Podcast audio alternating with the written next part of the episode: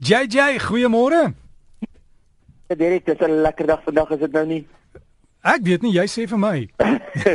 ja, jy sit al van vroeg daar af, daar so in die ateljee, maar nee wat, dis 'n ongelooflike lekker dag in Johannesburg vandag hier buite. Hm. So jy kan maar klaar maak daar dat jy bietjie buite in die tuin kan gaan werk, hoor? Ja, hier by ons is dit lekker warm. Ek weet dat dele van die kus is dit is dit koelerig vanoggend, maar ons moet tuin maak, ons moet hou om die ou sonbrandolietjies aan te sit om hierdie soort van herfsson kan vir jou verskriklik brand. Maar jy jy hoorie voor ons begin, iemand het nou net gevra, ehm uh, dis nie 'n vetplant nie, ek dink dit is iets anders, die Euphorbia Tirucali, is dit die naam? Dit kan wees ja, Euphorbia tirucali is wat genoem pencil euphorbia of fire sticks is ook sy ander naam. Dit is toevallig 'n vetplant. Um maar hy is daai ene wat baie mense sal hom herken. In die wintermaande maak hy oranje gloeiende groen bokant. Jy weet, dit maak uit die blare nie, die blare is dun takkies. Hy groei so plus minus meter en 'n half, 2 meter hoog en hulle gebruik hom deesdae geweldig baie in jou komplekse en so aan omdat hy so baie maklik groei, omdat hy so mooi kleur gee in die wintermaande. En ja, natuurlik is hy ook waterwys. So ja, wat sou hulle geweet het van die pencil euphorbia? Wanneer geweet het wat is dit? Nee, iemand iemand wat my net geweet het, uh, vra vir JJ, wat se plant is dit? O, dit is 'n dit is 'n vetplant. Dit is euphorbia en ehm um, dis eintlik dis nie 'n inheemse plant nie, dit is inheems in Suider-Afrika. Ehm uh, maar dit is eintlik 'n ongelooflike plant om in jou tuin te hê. Onthou net hy is wel giftig. Euphorbia is maar giftig. So jy plant hom nou nie in 'n kleuterskool of ergens waar daar baie klein kinders is nie, maar as jy hom in die tuin en son gebruik, glad nie 'n probleem nie. Hy hy groei baie baie mooi saam met al die ander plante. Hy kan van 'n redelike nat area tot 'n baie droë area vat. So jy het nie noodwendig net nodig om 'n droë tuin vir hom te hê nie. So as as as jy vandag kwekery toe gaan, dan kan jy net daar vra by die inligtingstoemak en sê, uh, "Wys my die euphorbia." JJ het gesê hulle moet vir my wys. Nee, net so. JJ, ander dinge hierdie tyd van die jaar wat in die tuin gebeur. Ek weet ons het verskriklik baie blare wat nou begin afval. Is probleme in die swembad, maar ons gaan kompos maak, né? Ja nee, definitief. Dit is altyd om kompos te maak. Ek gaan so oor 'n week of twee gaan ek vir julle vertel hoe om die kompos te maak, hartslank al die blare bymekaar. Maar baie mense wil weet, is dit nou al die regte tyd om jou plante toe te maak? Ehm um, dit is nou jou plante toe te maak teen die winterkoue. Dit is al alles af waar jy woon. As jy in 'n warmer area woon, nee, dan is dit nog nie nodig om hom toe te maak nie, maar as jy ergens in 'n area woon wat jy vroeg in die jaar al ryp kry, moet jy nou al begin toemaak. Onthou, dit is heeltemal streekgebonde en dit gaan oor die aandtemperature. Dit gaan nie oor die dagtemperature nie. So as jou aandtemperature al baie baie koud begin word, mense het my laasweek al gebel en gesê, "Kan jy glo hulle het al ryp gehad?" In die Oosrand. Jy weet so, ja, die ryk die die, die koue kan vroeër hierdie jaar wel deurkom. Ehm um, ek gaan nie 'n voorspelling maak om te sê hoe koud dit hierdie jaar is nie. Ek sê altyd 'n mens vat 'n kans as jy probeer om 'n voorspelling te maak.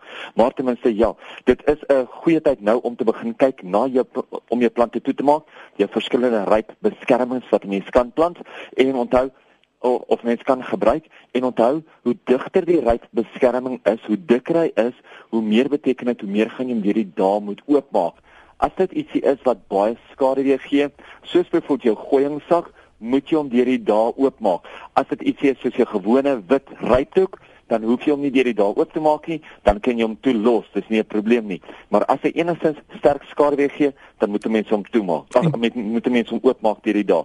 Die tweede ding is wat op die oomblik is die afdolbolle en die narsingsbolle is hulle besig om op al die rakke uit te pak by die verskillende kwekerye. So gaan gesels met jou naaste kwekery, kyk of die afdolle en die narsingbolle al uit is en dan gaan jy dit kan plant. Hierdie jaar gaan daar nie hyasinte wees nie. So vir die van julle wat hyasinte graag sou plant, jy gaan nie hierdie jaar hyasinte kry nie. Baie van jou bolle, tulpe gaan jy ook baie baie min van kry. As jy baie geluk het, sal jy dalk kry. Maar jou afdolle is daar so hordes van en dit is lekker maklik om 'n massa te plant van daai pragtige geel afdolle of die witter narsings.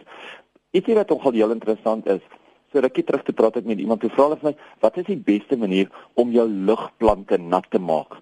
Nou lugplante is al hierdie verskillende epifiete wat mense kry wat in die boom in die bome groei, teen mure groei, oor jou tuin toebehore groei sonder dat dit wortelstelsels het wat in die grond insak.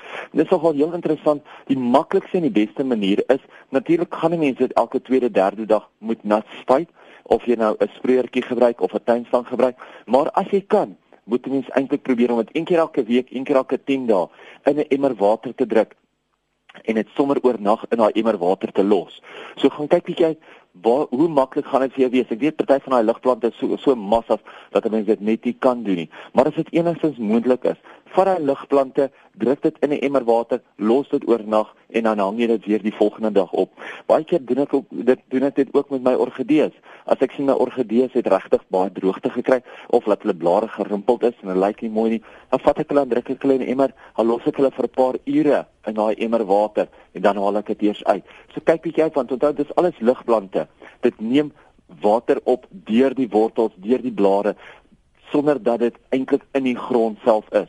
So kyk uit watter ligplante het jy, hoe maklik gaan dit vir jou wees om dit op die regte manier nat te maak.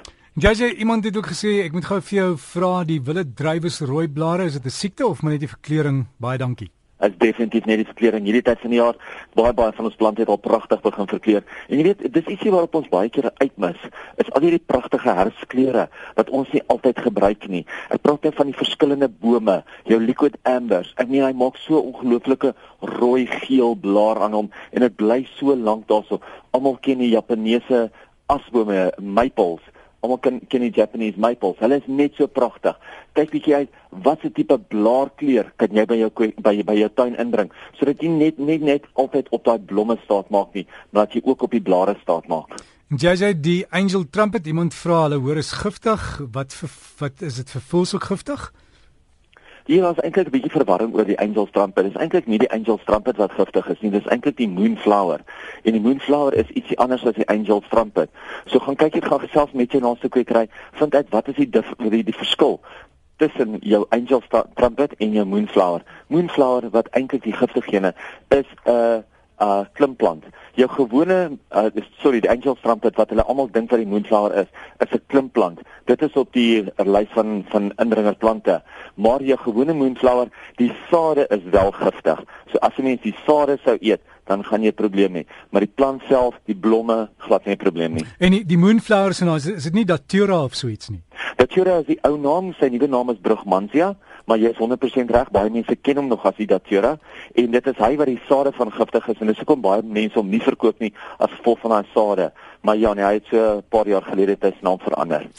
JJ alles van die beste lekker naweek vir jou en hoop julle is lekker besig. Waar kan mense vir jou kontak? Hulle is welkom om my e-pos te stuur na JJ by Gardenwold. Dis JJ by Gardenwold. Dan sê al. Andersins as op diens sal ek op my kom kuier. So gesels JJ Jansen van Rensburg, bestuurder by Gardenwold Wes van Johannesburg. Hulle webtuiste ook is gardenworld.co.za. Lekker tuin maak.